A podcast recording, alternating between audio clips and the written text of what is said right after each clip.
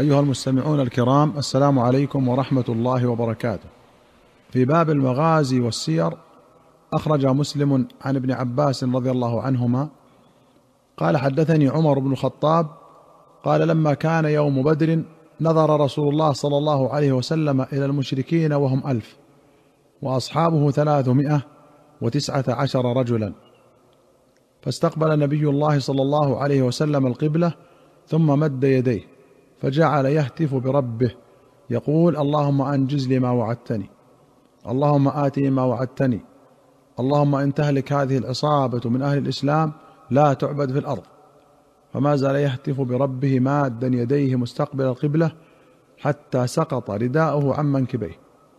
فأتاه أبو بكر فأخذ رداءه فألقاه على منكبيه ثم التزمه فأخذه من ورائه. وقال يا نبي الله كفاك مناشدتك ربك فإنه سينجز لك ما وعد. فأنزل الله عز وجل إذ تستغيثون ربكم فاستجاب لكم أني ممدكم بألف من الملائكة مردفين. فأمده الله بالملائكة. قال ابن عباس بينما رجل من المسلمين يومئذ يشتد في أثر رجل من المشركين أمامه إذ سمع ضربة بالصوت فوقه وصوت الفارس يقول أقدم حيزوم.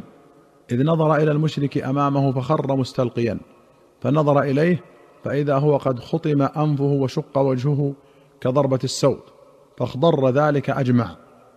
فجاء الأنصاري فحدث بذلك رسول الله صلى الله عليه وسلم فقال صدقت ذلك من مدد السماء الثالثة فقتلوا يومئذ سبعين وأسروا سبعين.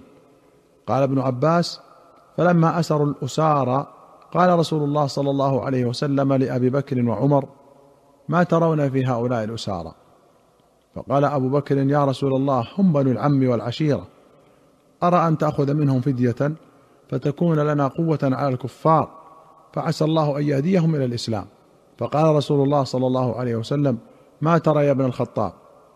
قال قلت لا والله يا رسول الله ما أرى الذي رأى أبو بكر ولكني أرى أن تمكنا فنضرب أعناقهم فتمكن علي من عقيل فيضرب عنقه. وتمكنني من فلان نسيبا لعمر فأضرب عنقه فإن هؤلاء أئمة الكفر وصناديدها. فهوي رسول الله صلى الله عليه وسلم ما قال أبو بكر ولم يهو ما قلت. فلما كان من الغد جئت فإذا رسول الله صلى الله عليه وسلم وأبو بكر قاعدين يبكيان. فقلت يا رسول الله أخبرني من أي شيء تبكي أنت وصاحبك فإن وجدت بكاء بكيت وإن لم أجد بكاء تباكيت لبكائكما. فقال صلى الله عليه وسلم أبكي للذي عرض علي أصحابك من أخذهم الفداء. لقد عرض علي عذابهم أدنى من هذه الشجرة لشجرة قريبة من نبي الله صلى الله عليه وسلم. وأنزل الله عز وجل ما كان لنبي أن يكون له أسرى حتى يثخن في الأرض. إلى قوله فكلوا مما غنمتم حلالا طيبا. فأحل الله الغنيمة لهم. قوله إن تهلك هذه العصابة ضبطوه بفتح التاء وبضمها. وكذلك قوله كفاك مناشدتك ربك بفتح التاء وضمها. وقوله يثخن في الأرض أي يبالغ والمراد المبالغة في قتل الكفار. يقال اثخنه المرض إذا أوهنه. وكان هذا قبل حل الغنيمة. أما بعد ذلك فقد قال الله تعالى فإما منا بعد وإما فداء. فيرى الجمهور أن الأمر في أسرى الكفرة إلى الإمام يفعل ما هو الأحظ للإسلام والمسلمين بين ضرب الجزية لمن شرع أخذها منه أو القتل أو الاسترقاق أو المن بلا عوض أو بعوض. هذا في الرجال. وأما النساء والصبيان فيسترقون بنفس الأسر. ويجوز المفاداة بالاسيره الكافرة بأسير مسلم أو مسلمة عند الكفار. ولو أسلم الأسير زال القتل اتفاقا وهل يصير رقيقا أو تبقى بقية الخصال قولان للعلماء؟ وأخرج البخاري عن ابن عباس رضي الله عنهما أن رسول الله صلى الله عليه وسلم قال وهو في قبة يوم بدر اللهم أنشدك عهدك ووعدك اللهم إن تشا لا تعبد بعد اليوم فأخذ أبو بكر بيده وقال حسبك يا رسول الله ألححت على ربك فخرج وهو يثب في الدرع وهو يقول سيهزم الجمع ويولون الدبر بل الساعة موعدهم والساعة أدهى وأمر.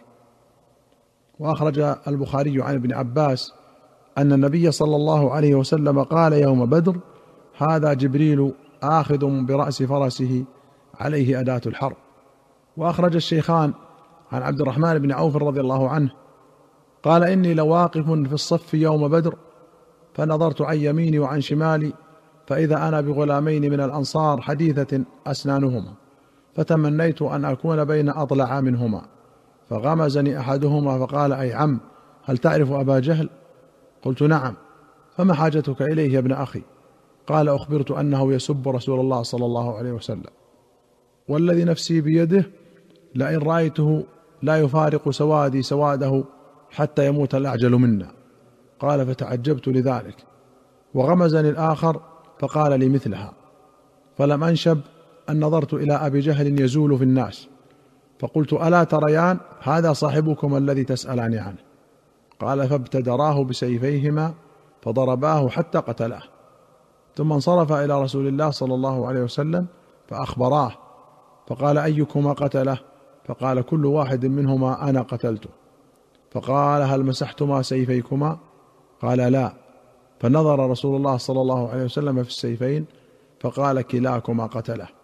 وقضى رسول الله صلى الله عليه وسلم بسلبه لمعاذ بن عمرو بن الجموح والرجلان معاذ بن عمرو بن الجموح ومعاذ بن عفراء. وفي رواية فشدا عليه مثل الصقرين حتى ضرباه وهما ابن عفراء. قوله أضلع منهما هكذا هو في جميع النسخ. ووقع في بعض روايات البخاري أصلح. قاله النووي ومعنى أضلع أي أقوى وقوله لا يفارق سوادي سواده أي لا يفارق شخصي شخصه. واختلف العلماء في معنى هذا الحديث. قال النووي قال أصحابنا اشترك هذان الرجلان في جراحته لكن معاذ بن عمرو بن الجموح أثخنه اولا فاستحق السلب. وإنما قال النبي صلى الله عليه وسلم كلاكما قتله تطيبا لقلب الآخر. ولأن له مشاركة في قتله. وفي الرواية الأخرى أن اللذين قتلاه ابن عفراء. قال النووي يحمل على أن الثلاثة اشتركوا في قتله وكان الإثخان من معاذ بن عمرو بن الجموح ثم جاء ابن مسعود بعد ذلك وفيه رمق فحز رقبته. وأخرج البخاري ومسلم عن أنس رضي الله عنه قال قال رسول الله صلى الله عليه وسلم يوم بدر من ينظر ما صنع أبو جهل؟ فانطلق ابن مسعود فوجده قد ضربه ابن عفراء حتى برك وفي رواية حتى برد فأخذ بلحيته فقال أنت أبو جهل؟ فقال وهل فوق رجل قتلتموه؟ أو قال قتله قومه؟ وقال أبو مجلز؟ قال أبو جهل فلو غير أكار قتلني. قوله حتى برد أي مات. قال القاضي رواية الجمهور برد. ورواه بعضهم بالكاف برك.